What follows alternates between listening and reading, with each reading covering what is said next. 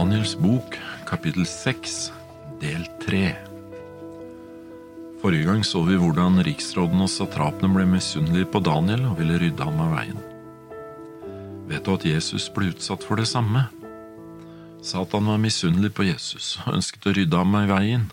I stedet ble han kastet ut fra himmelen selv. Satan lurer så Eva til fall. Jesus kommer til jorden som befrieren. Satan var da sikker på at han skulle lykkes i å føre Jesus til fall, da Jesus var menneske under samme kår som oss.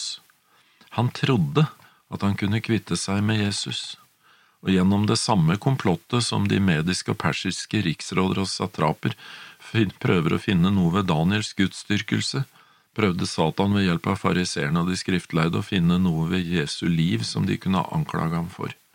De fant ikke noe. Hver gang de prøvde, ble de allikevel svar skyldig, så de gikk også til det skritt å prøve å finne noe ved hans gudsdyrkelse, og det de anklaget ham for, var gudsbespottelse, fordi han sa at Gud var hans far, og for at han tilga synd. Riksrådene og satrapene de brukte kongen, fariseerne og de skriftleide brukte også kong Herodes og romerne i sitt komplott.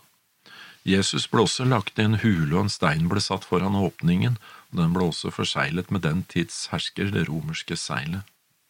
Det var ikke nok å korsfeste Jesus, sa at han ønsket at Jesus skulle forbli død, jødene også. De var redde for at hans ord om å stå opp igjen på den tredje dagen skulle være sanne, og de forsegler graven på samme måte som mederne av perserne gjorde, og de satte også ut en stor vaktstyrke. Når vi leser åpenbaringsboken om endetiden, finner vi at kongene på jorden da også vil bli lurt og brukt, og det handler om tilbedelse, akkurat som her i Daniels bok.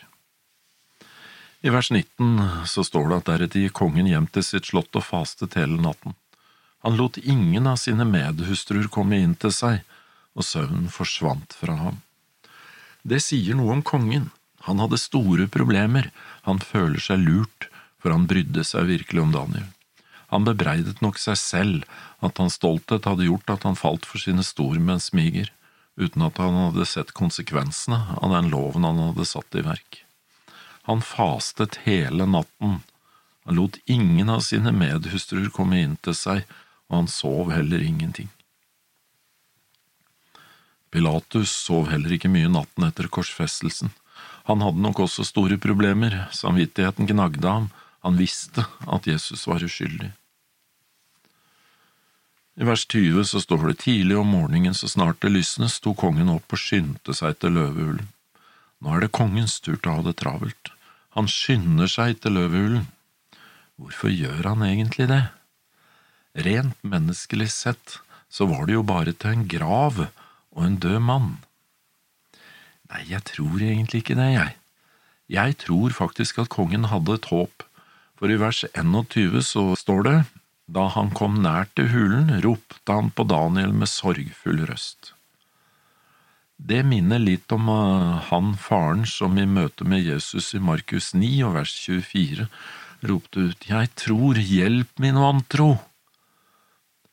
Kongen han tar til orde, og så sier han Daniel, du den levende Guds tjener. Han snakker til Daniel som om han lever. Har din Gud, som du stadig dyrker, maktet å frelse deg fra løvene? For et mot han legger for dagen, og for en tro kongen har.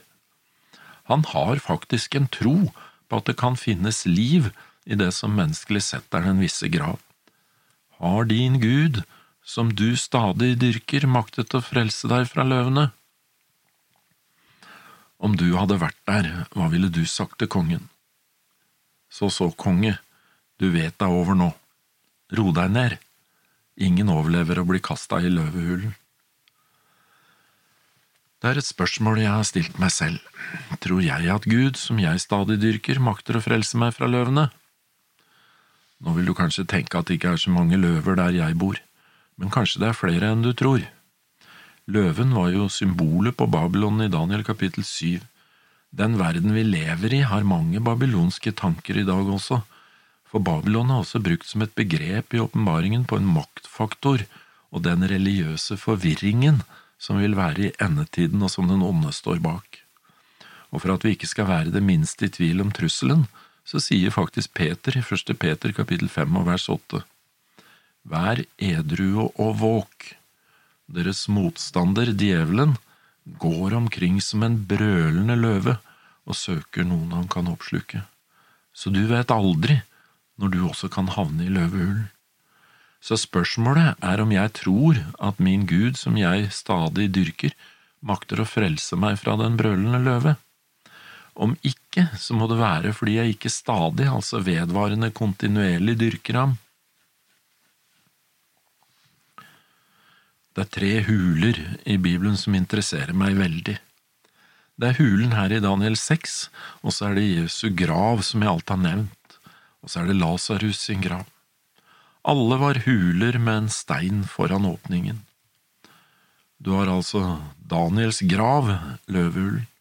Tidlig om morgenen neste dagen er kongen der, og han forventer liv i den visse grav.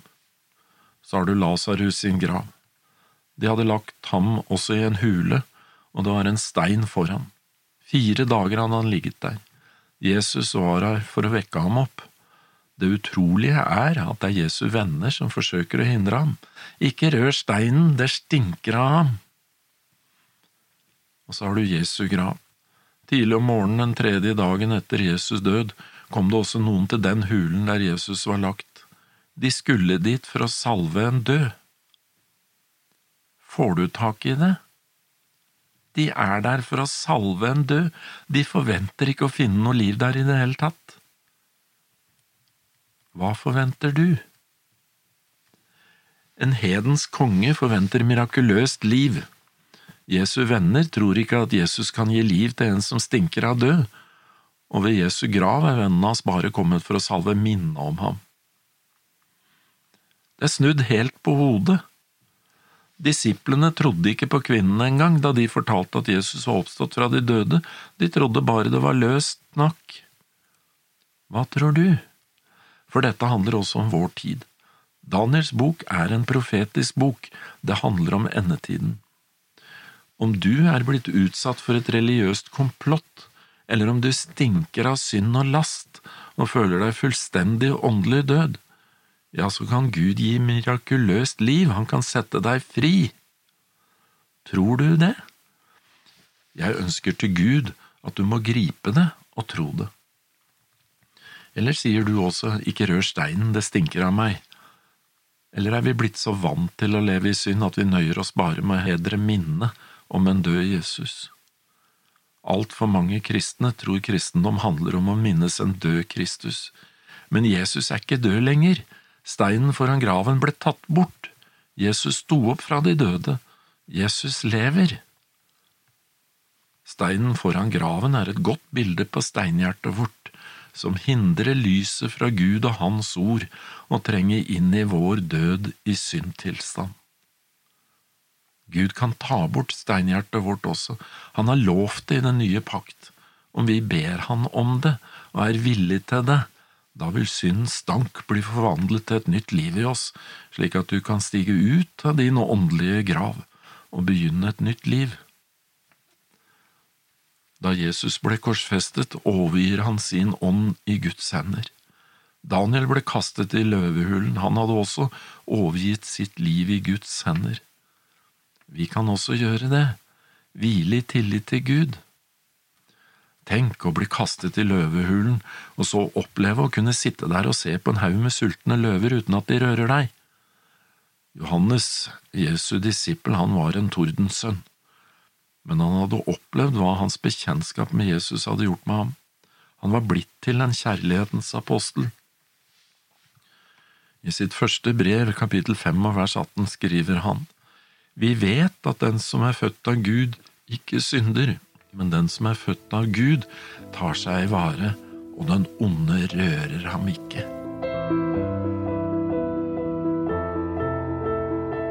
Neste gang skal vi se at kongens tro har gjort noe med han også.